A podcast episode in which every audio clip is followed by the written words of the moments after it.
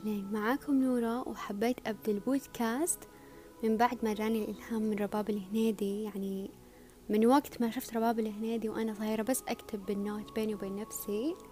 بس من بعد ما حطيت خطة إني أنا أصور وأتكلم عن شي في خيالي أو شي ممكن يفيد غيري تلخبط كل شي. يعني حاولت أرتب كذا كلمة بس تكون مختصرة بما أن هذا أول بودكاست أنا أسجله. وفعلا أتمنى يعجبكم.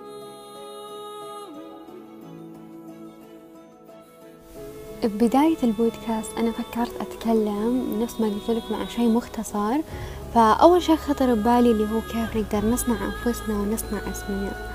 نوعا ما قبل ما كان يلفت انتباهي أبدا البودكاست ولا الكتب الإيجابية كانت أغلب انشغالاتي على أشياء ما لها قيمة.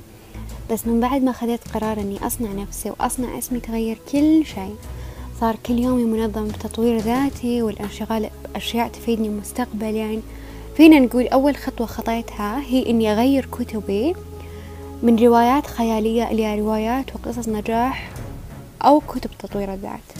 أذكر أول كتاب قريته كتاب بداية نجاح حلم لعنود سطام وكل ما أتعمق بمجال الكتب كل ما أكتشف أن عالم تطوير الذات ملهم وجدا جميل. تذكرت part من حكم ديل كارنيجي واللي هي لا يمكن تحقيق النجاح إلا إذا أحببت ما تقوم به.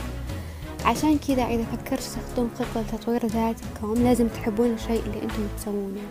عشان تقدرون تنجحون فيه وبعيدا عن ذا كله لا تقسون على أنفسكم. يعني فعلا أنا أشوف ناس يقولون لا إحنا ما نقسو على أنفسنا إحنا واثقين بأنفسنا. بس هم عكس ذلك. ثقتك بنفسك داخليا راح تنعكس خارجيا. هذا شيء ما نقدر ننكره إحنا. فأغلبنا خارجيا يقول إيه أنا واثقة بنفسي بس داخليا أبدا مو واثقة بنفسه فهذا الشيء اللي أنا حابة أوصله. أغلبنا يقول صدق أنا واثقة بنفسي هو مجرد كلام يعني أتمنى الكل يراجع نفسه وينظر بمنظور آخر إذا هو واثق بنفسه أو لا. كلنا راح نقدر نصنع أنفسنا من الصفر ما حد راح يقدر يصنعك غير نفسك.